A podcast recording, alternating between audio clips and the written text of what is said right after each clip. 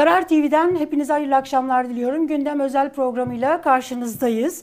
Ee, İyi Parti lideri Meral Akşener'i ağırlıyoruz. Taha Akyol ile birlikte neleri konuşacağız? Tabii ki ekonomik krizi konuşacağız. Türkiye nereye gidiyor? Türkiye için bir bu krizden bir çıkış yolu var mı? Devlet Bahçeli, e, MHP yeni bir anayasa önerdi. Ne olacak bu yeni anayasa e, paketiyle, teklifiyle ne demek istiyor? E, AK Parti ABD AB ilişkilerini yoluna koyabilir mi? Aşıyı konuşacağız. 128 milyarı konuşacağız. Tabii ki Meral Akşener damat damat diyordu. Damat ortaya çıktı. Bunu da kendisiyle konuşacağız değil mi Bey? Cumhurbaşkanlığı seçimlerinde soracağız. Tabii ki ittifakı Belki da. aniden seçim de olacak. O da olur mu soracağız. diye onu da Onu soralım. Evet. İttifaklar nereye gidiyor diye. Ee, hoş geldiniz. İttifaklar iyi gidiyor. İyi, iyi gidiyor mu? Bizim ittifak iyi gidiyor. Öyle Ama diyelim. şimdi bir üçüncü ittifak söylemleri falan var. Ben biz onu da sorarız size. sorarız, evet. E, Ama en böyle en güncel mevzudan başlayalım arzu ederseniz. Ee, Ekrem İmamoğlu'na elleri arkada e, soruşturması başlatıldı. Herhalde hukuk tarihindeki ve siyasi tarihimizdeki gördüğümüz en tuhaf soruşturmalardan birisi. Ee,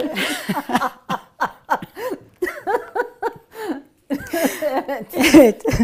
Yani bu böyle bu dönemin e, e, tipik böyle hukuk e, alanındaki sorunlarından birisini ya da yargının siyasallaşmasına örnek olarak gösterilecek e, soruşturmalardan birisi olarak tarihe geçecek. E, İçişleri Bakanı çıktı dedi ki aslında dedi suç değil. Şey aslında suç suçlama dedi. Ben dedi soruşturma başlatmıyorum dedi. Siz de bunu eleştirdiniz doğal olarak. Ee, sonra İçişleri Bakanı dedi ki bir bu Ekrem İmamoğlu soruşturmasına yani bu elleri arkada bağlı soruşturmasına nasıl bakıyorsunuz? Bir kez de buradan bunu değerlendirmenizi isteyeceğim. Bir de sizin için dedi ki o aslında stajyer bakan. 6 aylık bakan kimse bize bir şey öğretemez dedi. Ay harika. Şimdi e, ben bence suçlu ama soruşturma yani izni vermeyeceğim demek çok vahim bir şey. Birincisi bu. Yani bakanlık makamında oturan hele Evet. e, İçişleri Bakanlığı bir de e, silahlı bir gücün başındasınız siz. Adalet Bakanlığı hukukun başında. Yani her, her iki bak her bakanlık önemlidir de ikisi daha da önemli. Dolayısıyla çıkıyorsunuz diyorsunuz ki o suçlu. Bence suç ama soruşturma açmayacağım. Bu ne demek biliyor musunuz? Ne demek? Kanun yok, hukuk yok. Suçu kim karşımızda bir hukukçu oturuyor. Suçu ne tarifler? Kanun tarifi. Kanun tarifler. Hukuk üzerinden Evet. ta- tarifleyen şey. Şimdi birinci buraya bir mim koyalım. Çok ilginç bu. Yani bu tek adam rejiminin e, yana, e, yatayda ve aşağıdaki davranış biçimi. Yani e, suçu kanunun belirleyeceği, stajyer bakanların bile bileceği kadar Evet. ilk olay. Şimdi yalnız enteresan Stajyer bir şey. Stajyer bakan bile biliyor. Evet, evet. Şimdi ben 8 ay bakanlık yaptım. İlginçtir. E, işte arkadaşlar rahmetli siz daha iyi biliyorsunuz. Günsaz'a hatırlatıyorlar. O da 6 ay civarında yapmış ama Allah rahmet eylesin. Hala bugün bile e, dualarımızda yer alan ve e, gümrüklerde yaptığı Evet. o namuslu tutumun e, ortaya koyduğu sonuçların bugün bile konuşulduğu e, yolsuzluğa geçit vermemesi o 6 aylık stajyer bakanın sonucu. Şimdi 3 ya da 4 yıldır bakan bu arkadaşımız. Ben de stajyerim doğrudur. Şimdi bir İçişleri Bakanı düşünün ki 31 Mart seçimlerinde Üsküdar Meydanı'nda Sayın Temel Karamollaoğlu ile Meral Akşener'in Kandil'le bir evrak imzaladığını söyleyecek. Resmi evrak imzaladık. E peki o İçişleri Bakanı'nın bu iddiasının hukuki bir temeli olması lazım ki bizim hakkımızda soruşturma açılsın. Kandil neresi? Kandil silahlı terör örgütünün bir bölümünün bulunduğu merkezlerden birisi ve Evet. en şiddet alanın bulunduğu yerlerden birisi. Peki, şimdi bunu geçtik. İki, biz, ben rahmetli Erbakan Hoca'nın, o da bir yıl bak, e, başbakanlık yapmıştı. Dolayısıyla Stajyer sayılabilir. Rahmetli Erbakan hocanın e, başbakanlığında İçişleri Bakanlığı görevini yürüttü. Bu görevde biz görevden alınmadık. Evet. Biz düşürüldük.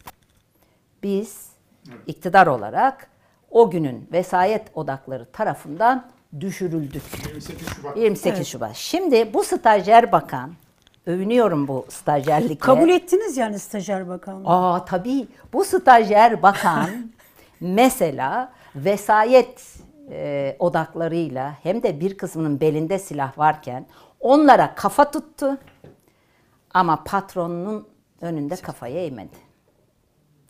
Allah böyle yani doktora yapmış, post doktora yapan bakanlıkta post doktora yapmışların karşısında yani e, dün söylediğini bugün el öperek patronun elini öperek iki büklüm olarak e, yani yok farz etmek onu unutturmak zorunda da bırakmasın. Böyle stajyerliği tercih ederim. Ama o dönem çok ilginç bir dönemdi. E, yani herhalde bir ömre bedel bir dönemdi. Bu kadarla bırakayım. Gelelim şeye Sayın e, İmamoğlu'nun durumuna. Bu çok yani trajik. Tabi hukukçusunuz. Çok trajik. Hakimlere fikir e, ve e, ihsası rey belli ettirecek tutumların olduğu, hukukun hiçe sayıldığı, adaletin attaya gittiği bir, adaletin ortadan kalktığı ve yani post doktoralı uzun süre bakanlık yapmışların bana göre suçlu ama yapmıyorum kardeşim. Yani büyük bir şey yapmış oluyor. Ee, ne diyelim lütufta bulunmuş oluyor.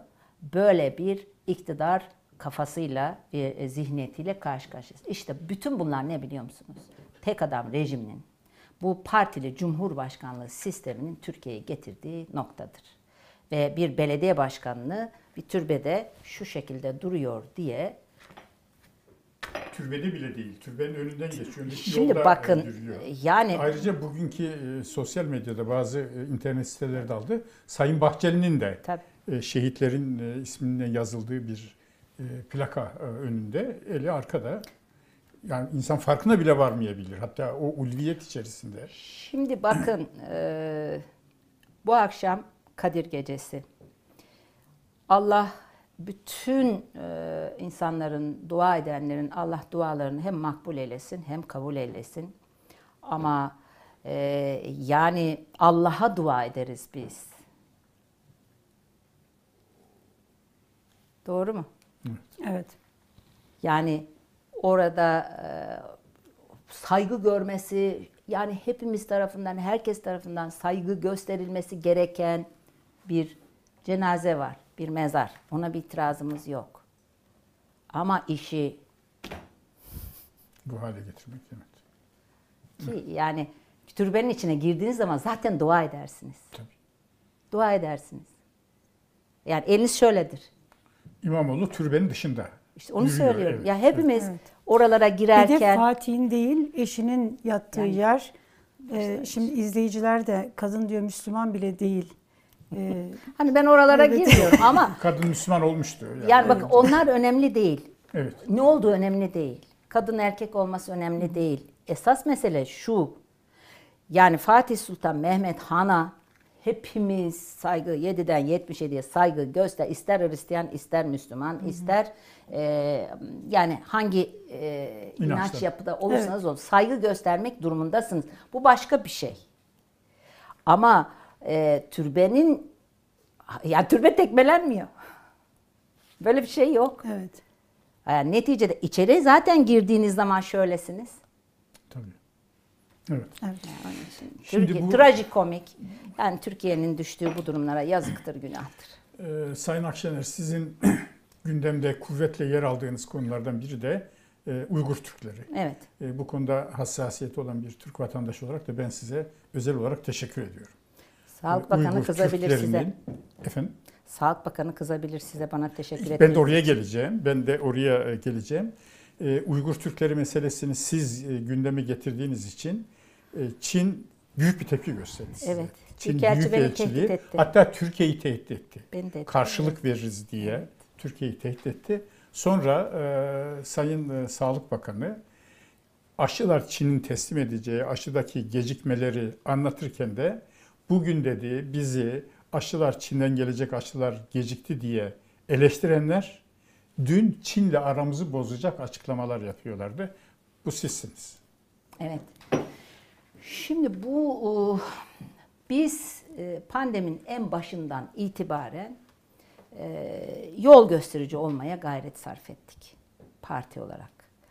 Gördüklerimizi aktardık, yapılması gerekenleri söyledik. Hatta biraz daha ileri giderek ben hem pandemi için hem dış politikadaki yaşadığımız o sıkışıklık için pandeminin zaten kırılgandı ekonomimiz, e, o kırılgan ekonomide pandemiye yakalandı e, Türkiye. Dolayısıyla hatta bir de bir memleket masası toplantısı önerdim. Önerdiniz, evet. Buna karşılık e, hem küçük ortaktan hem büyük ortağın parti sözcüsünden yani hakarete maruz kaldım ben kişisel evet, olarak. Evet. Şimdi bunu yani bunu niye söylüyorum? Yapıcı olmaya gayret ettiğimiz için. Biz muhalefet partisiyiz. Ben İyi Parti'nin genel başkanıyım ama bizim derdimiz iktidar yıpransın diye millet acından ölsün, insanlar pandemiden ölsün değil. Yani önerilerimizi de e, gündeme getirerek yürüdük. Mesela o zaman dedik ki biz Sağlık Bakanı'nı hatta ben yani kişi olarak e, onun arkasında durmaya çalıştım. Bir muhalefet parti genel başkanı olarak. Çünkü bilim kurulunu kurmuştu. Evet. Bunu doğru bulduk. Çünkü e, sık sık kamuoyunu e, bilgilendiriyordu. Bunu doğru bulmuştuk. Ve e, ilerleyen süreçte de aşılarla ilgili de dedik ki bakın bir Türk buldu BioNTech aşısı. Oradan bağlantı yapın. Bakın bugün Ruslarla konuşuluyor. Rusya'dan bağlantı yapın. Çin'den de bağlantı yapın. Şimdi Çin'in Uygur Türklerine uyguladığı mezalim hatta soykırıma bile girebilecek o mezalim, o çirkinlik, o pislik Çin'den aşı almayın manasına gelmedi bizim için. Çünkü biz rasyonel düşünen, gerçekçi bakan insanlarız. Ve e, ama Uygur Türkleri ile ilgili Çin'in yaptıklarının kabul edilebilmesi mümkün değil. Kocasını evden çıkarılan, evin erkeğin evden çıkarıldığı ve Çinli erkeklerin konulduğu bir sistemden bahsediyoruz. Küçücük çocukların kamplara alınıp Çinli gibi yetiştirildiği bir sistemden bahsediyoruz. Köle gibi ç- çalıştırılan kadın ve erkeklerden bahsediyoruz ve e, katlama maruz kalan, öldürülmeye maruz kalan insanlardan bahsediyoruz. Şimdi bu e, insanlar hem soydaşlarımız hem dindaşlarımız. Madem Çin'le bu derece derin ahbaplıkları var bu arkadaşların, sonuç itibariyle Çin'e bu konuda bakın bu kadar da siyasi siyasi ve ticari ilişkiler şu şekildeyse eğer paranla alıyorsun netice itibariyle hibe değil. O zaman bu aşıyı alırım arkadaş ama şu buradaki bu meseleyi de çöz demesi gerekirdi. Şimdi kendi beceriksizliklerini benim üzerime bıraktılar. Ve çok daha ilginç Çin'le aramızdaki hassas mevzuları Diyor. Diyor. kaşıyarak "Hii, Türkiye Cumhuriyeti Devleti'nin bakanı Uygur Türklerine, soydaşlarımıza, dindaşlarımıza yapılan bu mezalimi hassas bir nokta olarak kabul etmiş. Buradan söyleyecek kelime bulamıyorum aşı beceriksizliğini 50 milyon aşı e, an- anlaşması yaptık dendi. 25 milyonu gelmiş. Diğeri öyle olmuş, böyle olmuş. Bakın bugün ne güzel şimdi Rusya ile konuşuluyor. E, BioNTech'le bir e, irtibat kurulmuş. Kendi beceriksizliklerini, faturasını benim üzerime, İyi Parti üzerine bırakma eylemi bu. Ama bütün bunların nedeni tekrar söyleyeyim bu tek adamlık sistemine dayalı partili cumhurbaşkanlığı tabi. Çünkü Sayın Erdoğan ne yaptı biliyor musunuz? Bu e, başlangıçta bilim kuruluydu, günlük bilgilendirmeydi vesaire gibi e, konuların e, siyasi getirisi üzerine odaklandı. Kendisini oraya odakladı ve sonuç itibariyle pandemi yönetmek yerine döndü algı yönetmeye ve partisine artı değer katmaya. Şimdi bugün gelinen noktada nedir? Sonuçta böyle bir beceriksizlik ortaya çıktı. Ne yapsın Sağlık Bakanı da? Şimdi Sayın Erdoğan'ı e, genel algoritması şu. Böyle bir sıkışıklık zamanında suçlar e, Sağlık Bakanı'nın elini kayıp çıkacaktır. Daha önce yaptıkları gibi. Şimdi Sağlık Bakanı da diyor ki ben masumum abi suçlu Meral Akşener. Ne yapsın? Bu aşıyı alamamanın yani aşı hem pandemi e, kötü bu süreç kötü Yani bu yönetildi. kriz yönetimi rezalet gitti. Evet, e, aşılar da e, çok iyi yönetilemedi. E, aşıyı hani alınan aşılar gelmedi, e, söz verilen tarihte gelmedi, sürekli ertelemeler oldu. Bunun e, bu beceriksizlik biraz önce beceriksizlik dediniz. Bunun arka planında ekonomik nedenler de var mı yoksa e, siz Ben- ne görüyorsunuz? Bakın e, şimdi Türkiye'nin ekonomisi kırılgan olarak başladı e, pandemiye girildiğinde. Ama Türkiye'nin kaynağı var mıdır? Vardır. Mesela 13 uçakla gezmek bir kaynaktır. E, otomobil havuzları bir kaynaktır. 5 maaş alan danışmanlar bir kaynaktır. Yani ne demek istiyorum? İsraftan bahsediyorum. Evet. Ve biz bunu pandeminin başında önerdik. Dedik ki israfın önüne geçin. Hatta bu KOİ dediğimiz e, kamu e, özel sektör işbirliği içindeki projelerdeki ödemeleri mücbir sebep sebebiyle erteleyin dedik. Evet. E, ve dönün dedik e, dedik ki e, bu arada tüketimi ve e, sanayinin işlemesini devam ettirmenin yolları var. Bunun için gerekirse ki para basıldı, para basabilirsiniz ama paranın geriye çekişinin e, süresini ve sürecini doğru tespit edin dedik. Evet. Bu kadar açık. Ve e, ailelere yani geliri olmayan ailelere kişi başına 500 lira para verin. Kobilere ve esnafa yanında çalıştırdıkları kişilerin kişi başına 10 bin lira yani bir e, o insanları istihdama devam ettirsinler diye bir yılı ödemesiz ve faizsiz bir sene sonra başlayacak şekilde kredi verin dedik. Yani bir destek verin dedik ve e, kira stopajlarını düşürün dedik. Bel- e, belediyelerin, efendim e, vakıflar bank, vakıfların yani devlete ait kurumların bulunduğu kiralık yerler var. Oraların kiracıların esnaf için özellikle kiralarını da bir süre almayın dedik. Hatta sigorta primlerine yönelik dedik dedik dedik. Şimdi bunlarla ilgili her birinin de kaynağını söyledik. Evet ne oldu biliyor musunuz? Şimdi aynı bu kapanmayla da ilgili. Bu bir zihniyet. Şimdi bir şeye karar veriliyor. Ben yaptım oldu. Sonra göç yolda düzeliyor. Yol yürüyor. Şimdi mesela bu son e, kapanma işinde Sayın Erdoğan ilan etti kapanmayı. O konuşmanın neredeyse yüzde yetmişi Biden'aydı. Yüzde otuzu, e, yüzde beşi bir başka işte e, giriş çıkış dersek yüzde yirmi beşi de kapanmaya da kapandık. Şimdi ne oldu? çiftçinin elinde hallere hallere gelmiş, çiftçinin elinde kalmış sebze, meyve ve ne kadar çiftçinin yetiştirdiği ürün varsa çürür oldu ve anlaşıldı ki pazarların açık hava pazarların açılması lazım. Ne oldu? Bakın 10 gün geçti üstünden. Şimdi pazarlar açılıyor. Çünkü çürüyor. Halbuki bunun yerine bu önceden düşünülse. Aynı şey işte en başından söylüyorum. Şimdi nedir? Devlet dediğimiz şey kurumlar manzumesi, kurallar manzumesi. Ee, demokrasi dediğiniz şey de o. Şimdi bu kurumlarından bilgiler alınsa, STK'lardan e, bilgiler alınsa, onların görüşleri alınsa, dönülse muhalefetin de görüşleri alınsa. Ya biz düşman kuvvet miyiz? Dönülse akademinin gö- şeyleri alınsa, odaların ve bu kapanma veya işte pandemiyle mücadeleyle ilgili eylem planını hesaplı, kitaplı, şöyle olursa şöyle olacak, böyle olsa böyle olacak şeklinde e, ilan edilmiş olsa biz bunları yaşar mıydık? Yaşamazdık. Şimdi sizin Tüm mesele savunduğunuz parlamenter sistemdeki bakanlar kurulu olsaydı e, Ticaret Bakanı şurası aksıyor derdi. Yani Sağlık Bakanı tam kapanma deyince Ticaret Bakanı ama esnaf şöyle olur derdi. Tarım Bakanı da e, çiftçinin ürünü e, tarlada kalacak derdi. Ama dediğiniz gibi bu sadece e, Müsteşarlar bakanları uyarırdı. müsteşarlar uyarırdı. Daha Çünkü onlar Evet. hafızaydı. Evet. Yani mesela bizim demokrasi mücadelemiz bu Osmanlı'dan itibaren bakarsak e, 150 yıllık bir süreçtir. Evet. Yani bunun hafızası Çünkü müsteşarlığa kadar e, sistem nereden girerdi bakanlara? En alt kadrodan başlardınız, Müsteşar. yukarı kadar çıkardınız. Şimdi bu hafıza o gider öbürü gelir ama herkes birbirine el verir. Üstad derler birbirlerine mesela. Evet. E, Dolayısıyla bu konu ta 150 sene öncesinden gelen, süzüle süzüle gelen her bilginin, kendi konusuyla ilgili her bilginin hafıza olarak, ortak arşiv olarak oluşturduğu bir alandı. Bunların hepsi gitti. Müsteşarlıklar kaldırıldı. Evet.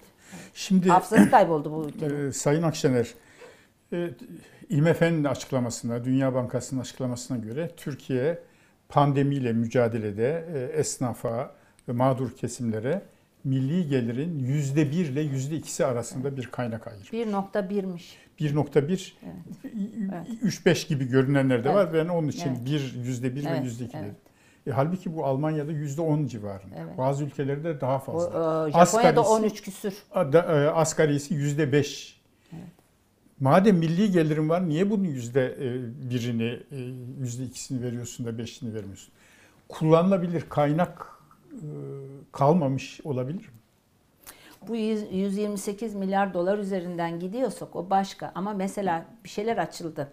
Şimdi hiç direkt yardım yapılmadı. Birincisi kredi, bu. evet. Hep kredi yapıldı. Bir de yani ekonominin kendi de aynı. Ee, sizinle daha evvelki e, birkaç programda da bu konuda bu fikrimi söylemiştim. Ee, ekonomiyi yönetmek de bir zihniyet meselesi. Tercihler silsilesi. Dolayısıyla bu kaynak ayırma işi de bir e, tercihler silsilesi. Yani tercihle alakalı bir şey. O zihniyetin getirdiği bir tercih. Mesela şimdi 100 milyar liralık bir paket açtılar. Nereye yönlendirildi? Bina stoklarına yönlendirildi. Büyük çoğunluğu ucuz kredi haline döndürüldü. Bina stoklarının eritilmesinin dışında ne yapıldı? Bu krediler eliyle ne yapıldı? Dolar alındı. Sonra ne oldu? Dolar patladı. Zaten çok acayip bir şey var biliyorsunuz. Faiz sebep, enflasyon sonuçtur. Yani böyle bir e, ekonomik kuramını ben duymadım. Ekonomi yani duyanlar varsa Nobel ödüllük bir durum. Şimdi ne oldu? Zıpladı. Bu arada onu düşürmek için Merkez Bankası Başkanı e, faiz arttırdı. Merkez Bankası Başkanı gitti. Sonra ikinci başkan faiz indirdi. Gene gitti. Şimdiki durumu e, yani aynı tutmaya çalışıyor. Eminim o da aynı tutmaya çalıştığı için yakın zamanda gider. Şimdi dolayısıyla bu e, faiz e, sebep enflasyon sonuç meşhur iddiasının Sayın Erdoğan iddiasının neticesinde 128 milyar dolar çarçur edildi. Yani dolar yükselmesin, faiz artmasın, aman seçime gideceğiz, sonra bir durumumuz olmasın deyip e, şimdi şey gibi peki nerede diye sorulduğu zaman da yani kaynağımız yok değil. Şimdi Sayın Bahçeli'ye göre şey kasada. AK Parti'nin bazı e, sözcülerine göre milletin cebinde pandemiye harcandı. Aynı şey gibi işte. Altın alındı. Altın duruyor. alındı, öyle oldu, böyle oldu ama hepsi birbirinden farklı açıklamalar. İşte e, sizin bahsettiğiniz damat bakan e, ve aslında bunun cevabını damat bakanla Sayın Erdoğan'ın vermesi gereken bir soru. En son yani en doğru sözü de şey söyledi. Lütfü Elvan Beyefendi söyledi. Dedi ki e, Merkez Bankası bu konuyu vatandaşla paylaşmalı, açıklamalı milletimize. Bakan, damat bakan dediniz. Siz çok sordunuz. Ee, gördünüz mü dün damat bakanı? Ben şeyde gö- e, fotoğrafını gördüm. Ne hissettiniz gördüğünüzde? Yani e, ben Camideymiş. insanların şahıslarıyla alakalı herhangi bir e, şey yani bir şey söyleyemem, bir, bir şey de düşünmem mümkün değil. Allah ömürletsin arkadaşımızı, çoluğuna çocuğuna bağışlasın ama camide bir fotoğrafta enteresandı yani. Evet, biraz önce dediniz ki sebzeler bu pandemi sürecinde e, esnaf e, Biz hanım hanıma baktık ve gittik. Kadın ferasetiyle bir şeyler anlaştınız. evet, Anadolu'nun irfanı harekete geçti. Sayın Akşener dediniz ki sebzeler işte Çürüyor. çiftçide çürüdü dediniz. Ama bu dönemde bir de tabii ekonomik kriz var. Ee, salgına da ekonomik krizle yakalandı. Evet. Türkiye ekonomisi çok da iyi bir durumdayken girmedi. Ee, intiharlar artmaya başladı. İntiharlar artmaya başladı. Esnaf e, kepengini açamamaktan, satış yapamamaktan, evine ekmek götüremediği için, geçinemediği nedeniyle e, mesela geçen hafta e, 7 kişi bir günde intihar etti. Bu çok da konuşuldu. Ben bu intiharları ve ekonomik krizi soracağım. Bugün Konya AK Parti Milletvekili Ahmet Sorgun dedi ki bu intiharların e, ekonomik krizle alakası yok. Bunların nedeni eşleriyle problemli olduğu ortaya çıkıyor. %90'ı dedi. Aynı milletvekili işsizlikle alakalı yine Ahmet Sorgun Türkiye'de işsizlik sorunu yok. iş beğenmeyenler var demişti. Bunu yorumlamanızı isteyeceğim. Bu intiharlara nasıl e, bakıyorsunuz? Ekonomik kriz, esnaf var içerisinde, vatandaş var.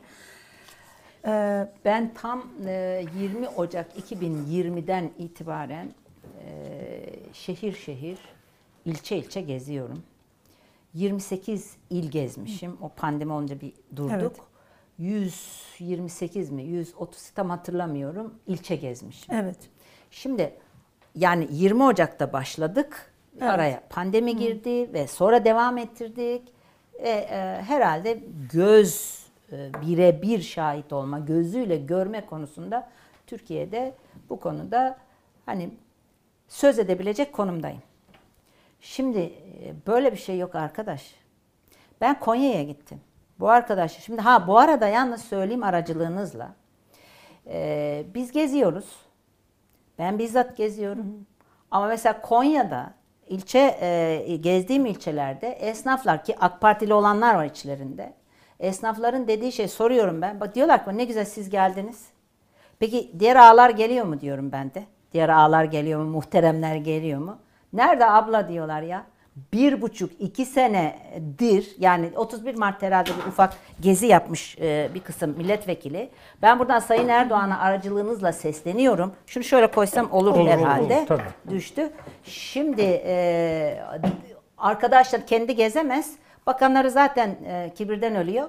Dolayısıyla en azından o illerin milletvekillerini bu insanlara gitsi, göndersinler ve dertlerini birebir dinlesinler. Bana söylenen Konya'da böyle, Kayseri'de öyle. Birçok yerde bu e, Bursa'da aynı. Bu cevaplarla karşılaştım. Şimdi birincisi bu. İkincisi hatırlayın bir e, yazar kasa atılmıştı. Evet. Bakın o hükümet döneminde yazar kasayı Rahmetli Ecevit atabiliyordu. dönemi. Ecevit dönemi. Evet, rahmetli Ecevit döneminde rahmetli Mesut Bey ve Sayın Bahçeli'nin hükümetinde bir yazar kasa atılmıştı ve o insan da tutuklanmamıştı. Evet. Yani ekonomi zordaydı o zaman da. Öyle. O, o zorluk sebebiyle başbakanın önüne, arabasının önüne yazar kasa attı bir arkadaş. Derdini de dile getirdi. Niye attın? Vay hain, vatan haini, FETÖ'cü bilmem neci denmedi. Bu ne biliyor musunuz? Yokluk var yokluk. Açlık var açlık. Esnaf ya geziyorum ben. Diyorum ki saat 4. Siftah yaptınız mı? Hayır diyor. Saat 4'te siftah yapmamış. Şimdi hangi sektörün malını satıyorsa satsın. Şimdi ya esnaf o kadar önemli ki. Hem şunu üretenin malını satıyor. Bunu üreten işçisini çalıştırıyor, istihdam yaratıyor, üretim yapıyor. Bakın birbirine bağlı. Hem de yanında insan çalıştırıyor.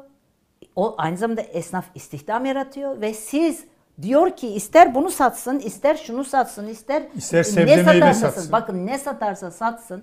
Saat 4 olmuş. Ya bunlar kayıtlı. Şey yok, siftahı yok. Onlar sefte diyor. Seftesi yok. Şimdi böyle bir sistemin içinde çocuğuna bakacak.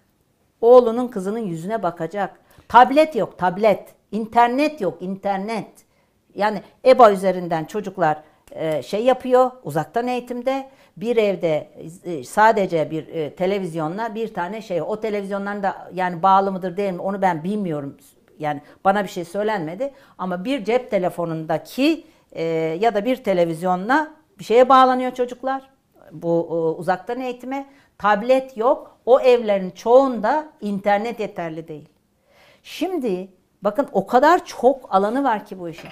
Ve siz dönüyorsunuz akşam eve bir şey götüremezseniz.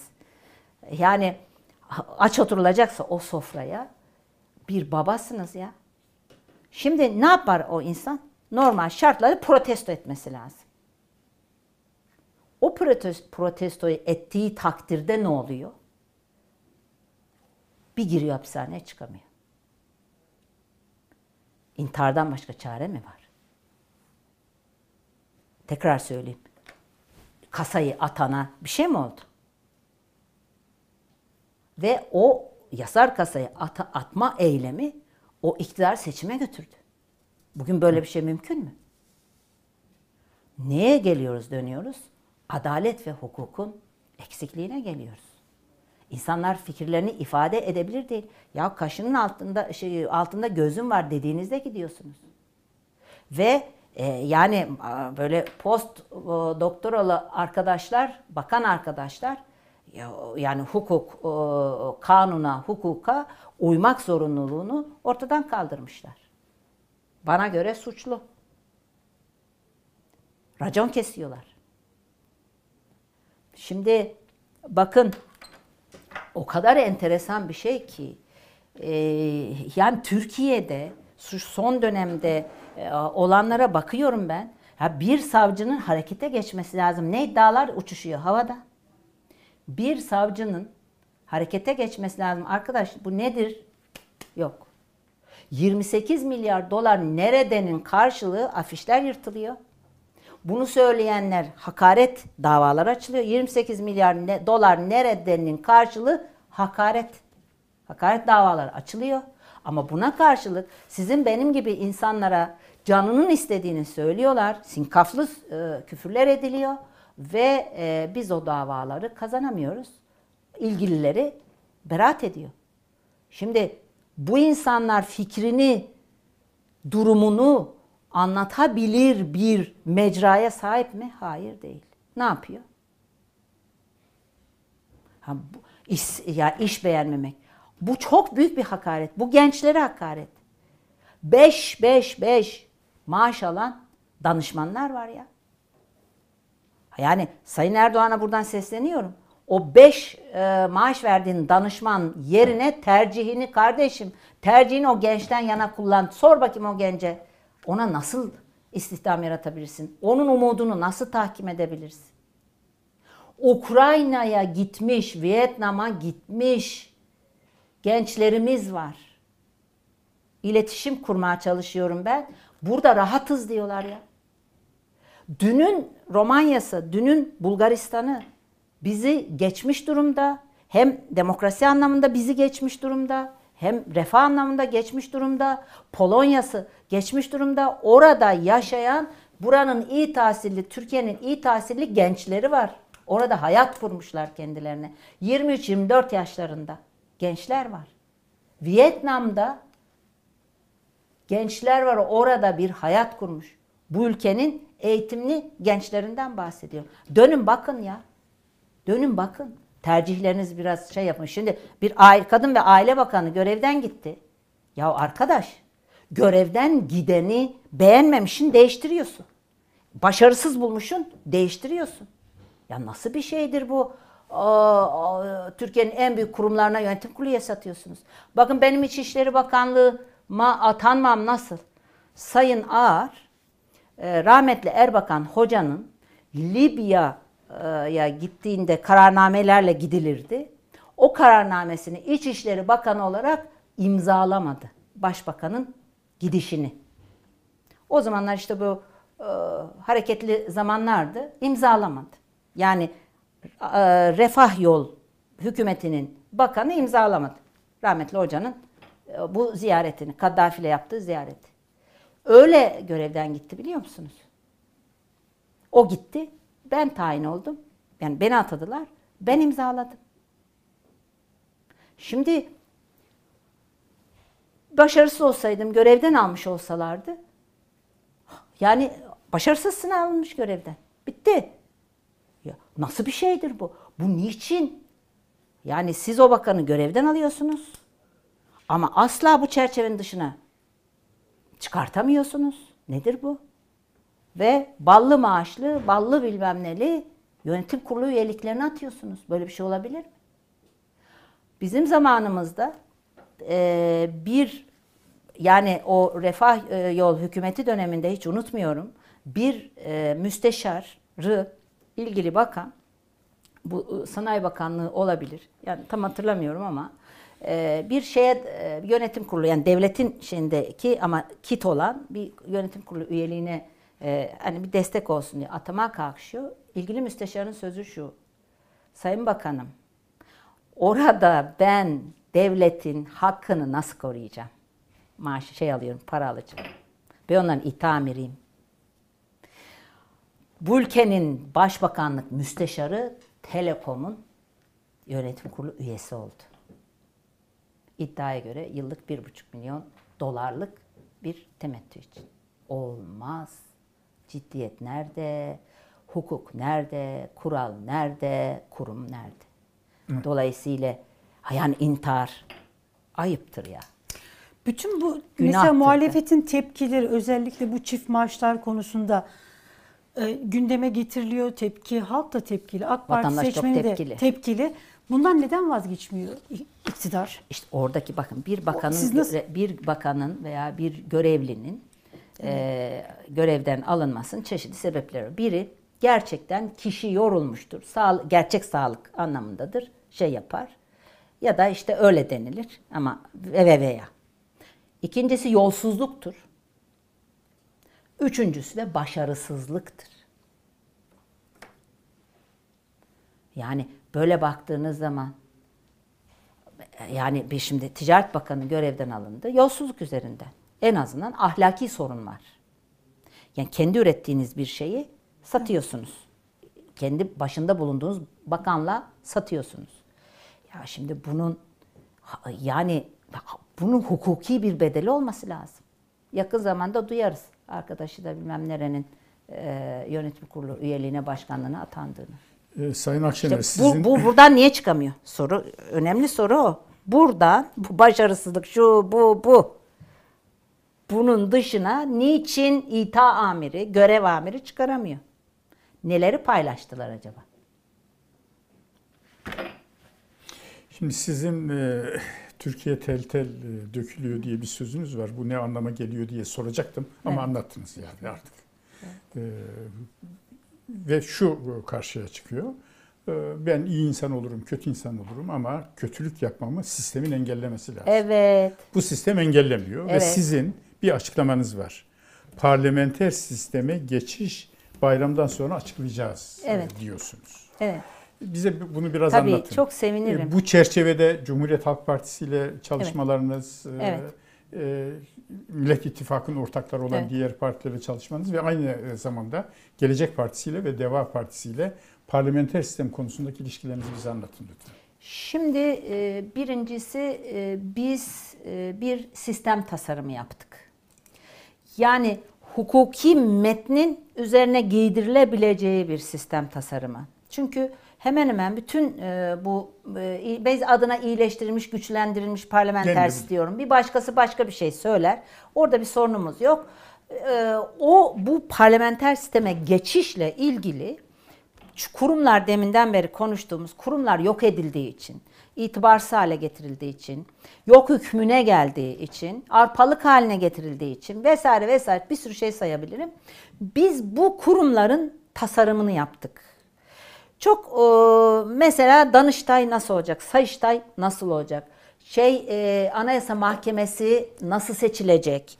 E, hem vesayete karşı biz şimdi bir vesayet sopasının gösterildiği bir e, dönemin içinden de geliyorum ben ve bir kısım Onunla arkadaşlar. mücadele ettiniz, evet. Tabii, dolayısıyla onun da olmadığı, millet iradesinin gerçek anlamda yansıdığı, hukukun üstünlüğünü artı adaleti sağlayacak bir e, mantalitenin oluşması için o şeyi önlemlerin alındığı, parlamentonun gücünün yüksek olduğu ama bu arada da e, e, yürütmenin yürütmenin de daha hızlı hareket edebileceği ne vardıysa yani o problemli alanları temizlemeye çalıştığımız bir sistem şey yaptık, tasarımı yaptık.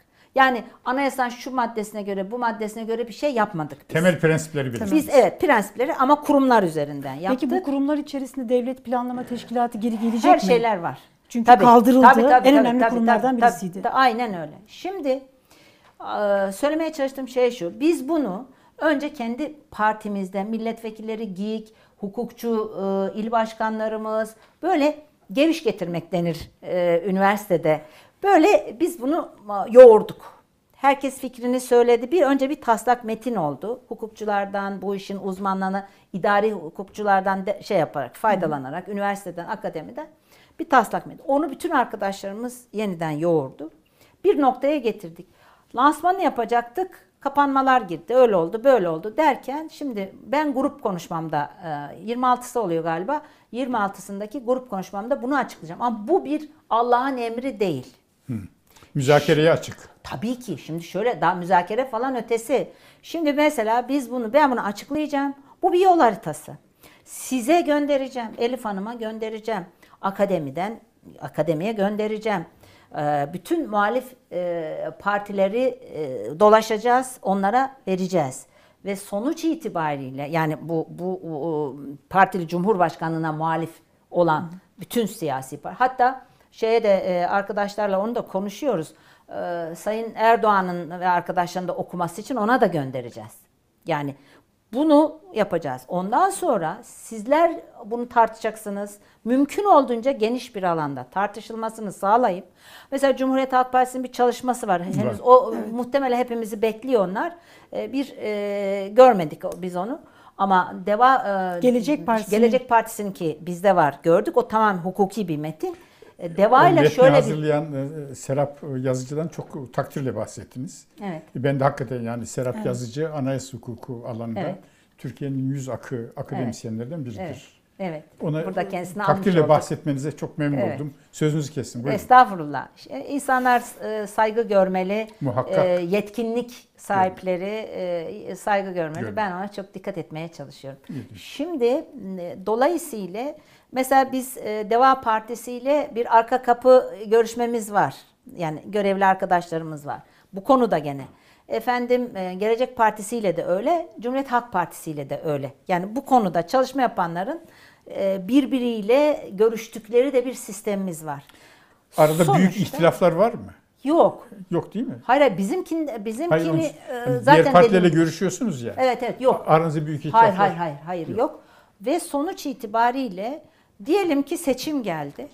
Parlamenter demokrasiden tırnak içi yana olanlar e şimdi eğer birlikte bir e, seçim yani ittifaklar modeli olduğu için birlikte bir ittifak modeli içinde gireceksek Evet. o zaman bu o, yapılanların dışında e, aynı zamanda bir ilkeler bütünü halinde yani bir metini imzalayıp biz o seçime gireceğiz. Çünkü yir- e, 24 Haziran'da böyle yapmıştık. Biz Saadet Partisi, e, biz e, İyi Parti, Cumhuriyet Halk Partisi, ve Demokrat Parti'nin arkadaşlar bir araya geldiler. Bu kazandığımız takdirde parlamenter sisteme dönüşün yol haritasını yazıldı ve biz onun altını imzaladık. Evet. Böyle muhtemelen böyle olur. Dolayısıyla ama dediğim gibi yani e, bunu kamuoyunun tartışmasına, tavsiyelerine e, ve e, yani e, herkesin paydaş olduğu bir sistem e, e, yani bir istişare mekanizmasına açacağız. Evet. Peki bu bağlamda ben şunu sormak isterim. Devlet Bahçeli bir yeni anayasa e, teklifi açıkladı. E, siz o anayasa teklifini nasıl değerlendirdiniz? Şimdi diyor ki meclis güçlensin. Cumhurbaşkanı ve iki başkan bir arada seçilsin. Yani seçimle gelsin. Hani Tayyip Erdoğan tek seçilmiş yürütme yetkilisi olmaktan çıkıyor. Çıksın, Üç evet. kişiden biri oluyor. Evet. Şimdi Cumhurbaşkanlığı bu hükümet sisteminin de e, model babaları Devlet Bahçeli'ydi. Şimdi yeniden bir anayasa teklifi diyor ki bu kez işte anayasa mahkemesi bu arada işlevsizleşsin diyor. Yani benim dikkatimi çekenler bunlardı. Ee, bu gece yarısı ya- yayınlanan yani her kararname böyle aklına estiği gibi kararname yayınlamasın diyor. Ne oluyor orada? Şimdi biz Siz nasıl değerlendirdiniz şöyle bunu? ben Taha Bey'in e, yazısında okudum. Teşekkür Bir ederim. gün evvel e, bizim arkadaşlarımız bir e, beyanda bulmuşlar. Çünkü biz hemen ben e, GİK e, toplantısı yaptım Zoom üzerinden. Şöyle bir metodumuz var bizim. Soruyu soruyorum ben. Fikrimi katiyen söylemiyorum. Arkadaşlarımız rahat rahat söylüyorlar ve bir ortak karar çıkıyor. Yani Evet. bu tür kritik konularda. Ve o arkadaşlarımızın beyanları üzerine bir e, tutum almamız e, kararlaştırıldı. Şimdi e, ama Taha Bey'in e, yazısı sizin sorduğunuz soruya benzeyen bir yazıydı. Evet. Şimdi biz e, Sayın Bahçeli'nin durup dururken bu e, partili cumhurbaşkanlığı meselesine götürmesini ve 2017'de bütün o, o bu partili cumhurbaşkanlığı konusuna muhalif olan herkesin, her bireyin, o zaman ben bireydim, yani bir partinin e, sistemi içinde değildim. Her bireyin söylediği bütün e, bu e, arızalı ve e, problemli e, konuların tamamı gerçekleşti. Evet. Şimdi birincisi bu. Yani neydi bu, bu, bu partili cumhurbaşkanlığına götüren yolun gerekçesi? Şuydu.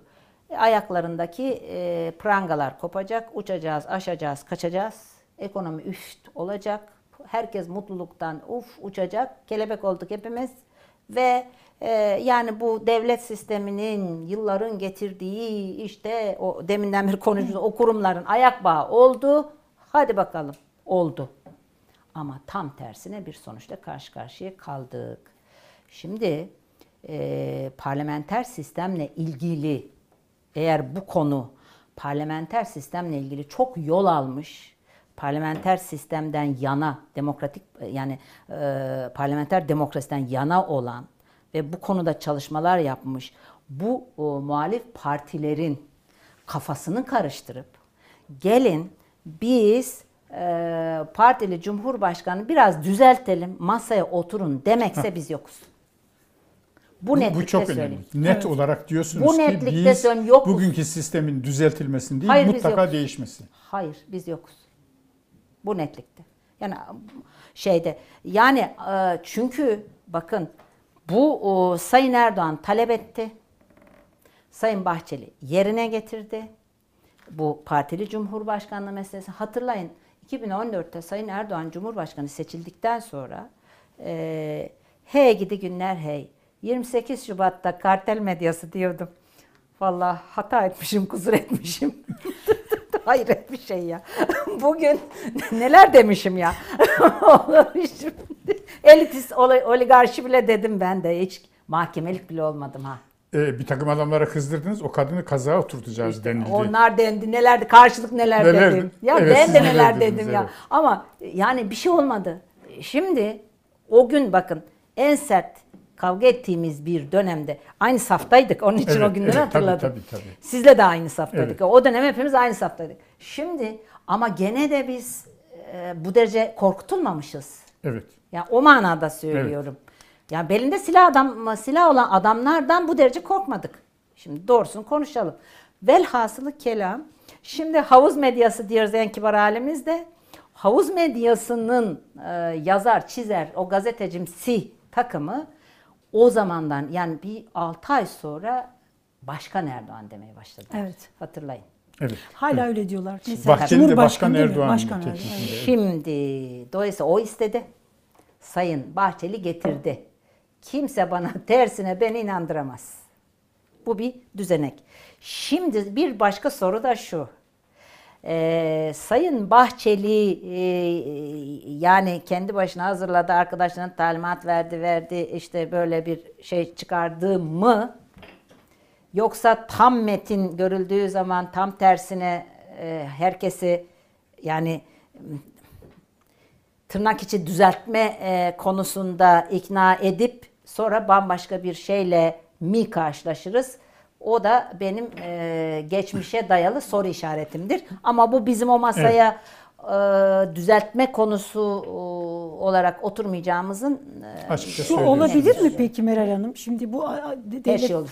Devlet Bahçeli'nin anayasa teklifi. Şimdi Sayın orada- Erdoğan bilgisi dahilinde olabilir. Ben şöyle düşündüm. Yani orada e, bir anayasa mahkemesinin kapatılmasını istiyordu Devlet Bahçeli. Evet. Hatta en son açıklamasında artık ertelenemez bir hedef olmalıdır Çok. dedi. Hala söyleyecek. buna rağmen Anayasa Mahkemesi ile alakalı bir girişimde bulunmadı AK Parti. Acaba Anayasa Mahkemesini kapatmazsam benim yetmiyor. Hayır kapatmazsam ben de böyle meclisi güçlendiririm. E, yetkilerini azaltmaya gidecek bir teklifle çıkarım mı? Yok yok o Değil kadar mi? o kadar demeyin. Bakın hiç öyle e, alengirli veya işte e, dolambaçlı yollar yok. Başkan Erdoğan. Şimdi Bu te- affedersiniz. E, Sayın Bahçeli'nin e, teklifinde Tayyip Erdoğan'ın e, hakikaten e, kabul edemeyeceği, belki de sindirleneceği teklifler de var. Evet. Tek seçilmiş yürütme tek o adam en, yerine en çok siniri bozan o olur. Sadece o olur. Gerisi si- değil. geri- gerisinde de bence var. Mesela bir bakanlar kurulu oluşturuyor Cumhurbaşkanlığı kabinesi adıyla. Bunun kararları bir hükümet programı gibi, güven oyu gibi meclise tabii. sunuluyor. Şimdi bakın Evet. ondan gel, bu hani gele gele derler ya. Önce böyle başlanır sonra öyle olur. Ben e, belki ön yargılıyımdır ama bu düzenek böyle işlediği için böyle diyorum. Fakat hukuki manada baktığımız zaman gene siz hukukçusunuz. Anayasa Mahkemesi kanunların anayasaya uygun olup olmadığını, alınan Kesinlikle. kararların Kesinlikle. hukuka uygun olup olmadığını takip eden bir mahkemedir. Kesinlikle. Yüce Mahkeme, Yüksek Mahkeme vesaire falanın dışında bir mahkemedir. Şimdi Sayın Bahçeli Anayasa Mahkemesi'nin yöneticilerine kızabilirsiniz. Bakın bu başka bir şey. Ama kurumsal olarak ateş ettiğiniz zaman e siz o zaman kanunların uygulanmasına riyaset eden, onu onu kontrol eden, ona bakan bir makama karşısınız demektir. O zaman sizin kanunlarla derdiniz var demektir. Onun için şaibeli işler olduğu için burada biz bu konuda çok cız durumdayız. Ekstra. Ee, Ama diğer konuda yani bu şimdi Taben yazdığı yazının her bir kelimesinin doğru çıktığını sonra hani o 100 maddenin 38 e, 100 sayfalık madde, 100 hayır, madde. 38 sayfalık bir şeymiş o. Evet. Ama e, biz üstün körü okuduk. Ama 100 maddenin yüzü de sizin e, yazınızdaki gibi çıktığını varsayalım. Yani tamam kötü değil ama biz düzeltmek amaçlı bir masada olmayacağız. Biz Sayın Erdoğan'ı da ben davet ediyorum. Ee, pa- e, bu partili cumhurbaşkanlığı sisteminden vazgeçip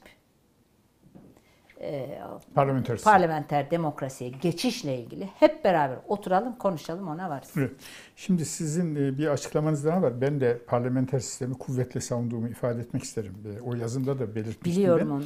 Siz e, çok önemli bulduğum bir açıklamanız var. Diyorsunuz ki HDP üzerinden İyi Parti'yi test edeyim derken Kürtlere hakaret ediliyor. Evet. Hakaret edilmesin.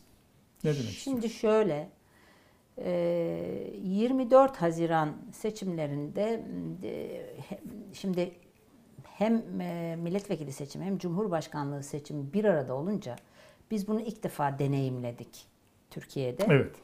Ben de Cumhurbaşkanı adayıyım. İşte dolaşıyoruz. Milletvekilleri, bütün siyasi partilerden adaylar e, çalışıyor sahada. Ama herkesin ilk defa deneyimlediği bir durum. Orada çok ilginç bir şekilde ikinci tura Meral Akşener kalırsa Kürtler oy vermez Denildi. denildi. Tamam. Belki de doğrudur. Şimdi bakın bunu tartışmıyorum. Fakat sonrasında e, biz işte daha uzunca bir zamandır e, tanışıyoruz. E, kafamda soru işareti olan her şeyi ciddiyetle çalışırım ben. Evet biliyorum. Şimdi 24 Haziran'da olan her şeyi çalıştım.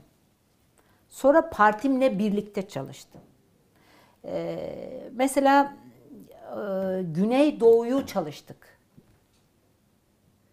Kemal Görmez Hoca ile birlikte bunu milletvekili arkadaşlarımıza, GİK üyelerimize bunun sonuçlarını bildirdik. Oy oranı falan değil. Sosyolojiyi çalıştık. Hani ne oluyor, ne bitiyor falan. Yani belki bir gerekçesi vardır e, vesaire. Sonra bir şey oldu. Bizim partimizden e, yani muhalif de diyebiliriz veya işte itirazı olan arkadaşlarımızın itiraz ettiği yerlerin hepsi HDP üzerine. HDP ile sanki yan yanaymışız gibi bir e, alt yazıyla, alt metinle gittiler. Bunu da koyduk bir kenara. Sonra Bu iktidarın propagandasının karşılık geleceğim. bulduğu anlamına mı geliyor? Bakın oraya geleceğim. Ee, ve e, iktidar partisi de dahil olmak üzere her bir e, ne diyelim siyasetçi grubunun benim e, Cumhurbaşkanı adayı olabilmek için öldüğüm gibi bir kanaate varmışlar. Ve bu önermenin üzerinden ben vicdanlı davranmaya gayret ettim. Ee, Kürtlerle ilgili vicdanlı davranmaya gayret ettim. Ve e, yani Meral olarak ama bu ne olmuş, ne anlaşılmış biliyor musunuz? Ç- şeye HDP'ye ve HDP üzerinden Kürtlere çiçek attığım anlaşılmış. Şimdi bunu biz bilimsel olarak da çözdük. Ve ben dedim ki o televizyon programında o, o arkadaşlar üzerinden e, bu Sayın Erdoğan ve arkadaşlarına bakın İyi Parti'yi milliyetçi kökenli bir yapıyız biz. Evet. İyi yani milliyetçi, kalkınmacı, demokrat, milliyetçi, demokrat, kalkınmacı diye umdelerimizi sıraladığımız, ilkelerimizi sıraladığımız bir partiyiz. Yani e, Cumhurbaşkanı e, adaylığı işte o önerme var. Bir kanaat bu. Ben ölüyorum bu iş için. Yani tutuşuyorsunuz. Yanıp tutuşuyorum. Ve e, benim partimi, partimle beni karşı karşıya getirebilmek, benim arkadaşlarımı, bizim arkadaşlarımızı HDP üzerinden terbiye etmek, test etmek için e, HDP'ye hakaret ediliyor. Sözde HDP'ye hakaret ediliyor ama Kürtlere hakaret, toptan Kürtlere hakaret ediliyor. Bununla ilgili normalde bunu benim söylememem lazımdı ama Türkiye'nin geleceği açısından Güneydoğu'da veya Batı'da yaşayan Kürtlerin bu devletin yanında, bu cumhuriyetin yanında yer alıp PKK'nın karşısında yer aldıklarını ben Kesinlikle. biliyorum. Kesinlikle doğru söylüyorsunuz. Ve o insanların şehitleri var, gazileri var. Alt tarafı bir seçim kazanmak için bu hakaretlerin öyle hisseden bu insanların incitilmesine, tahkir edilmesine, hakaretle karşı karşıya kalmasına gönlüm razı olmadığı için ben Sayın Erdoğan'ı bütün samimiyetimle uyarıyorum. Ha bu arada da Kürtlere hakaret etmeyin. Etmeyin diyorum. Ya defolun gidin dendi bu ülkede. 31 Mart'a giderken defolun gidin dendi. Bir cumhurbaşkanının ağzından dendi. Bu olabilir mi? Bizim 29 arkadaşımız e, belediye başkan adayı ve belediye meclis üyesi Güneydoğu'da ve Batı'da 29 arkadaşımızı Yeni Şafak gazetesi manşet etti. Yani nüfus cüzdanları örneğiyle günah, hukuken yanlış, çok büyük suç ama bir de insani olarak günah ya, ayıp. Şimdi CHP'nin de yüz küsür. Ben bir işi bırakamadım biliyorsunuz. Bir Abdullah Uçar'ımız var. İzmit'te yaşıyor. İlk defa hayatında bir siyasi partiye bize muşlu, bize üye olmuş. Arkadaşlarımız da onu belediye meclis adayı yapmışlar. Bu çocuğun adı da var. Hele Bitlis'te korucu e, ailelerinden e, ailelerinde şehit var. Yani Sayın e, Soylu işte Üsküdar Meydanı'nda bu insanları bana Kandil'in verdiğini söyledi. Ama aynı çocuk Sa- e, Sayın Soylu'nun genel başkan olduğu dönemde Demokrat Parti'nin belediye başkanı, adayı ve belediye başkanı. Böyle bir acımasız, pis, çirkin bir dil. Ben Abdullah'ı çağırdım Bursa'ya. Sayın e, Kılıçdaroğlu ile birlikte geziyoruz o zaman. Şimdi sordum. Bakın yani burası hala e, çıkamıyorum ben bu ruh halinden. Abdullah dedim. Onu çıkaracağım konuşma yapma. Bırakamam yani. Evlat gibi olmuşlar. Hepsi yani aileyiz biz. Ya nasıl ben yem edebilirim? Yeni Şafak manşetine. Konuşturacağım onu. Ne diyeceksin dedim. Diyeceğim ki dedi. Ben Kürdüm ama PKK'lı değilim. Günahtır be.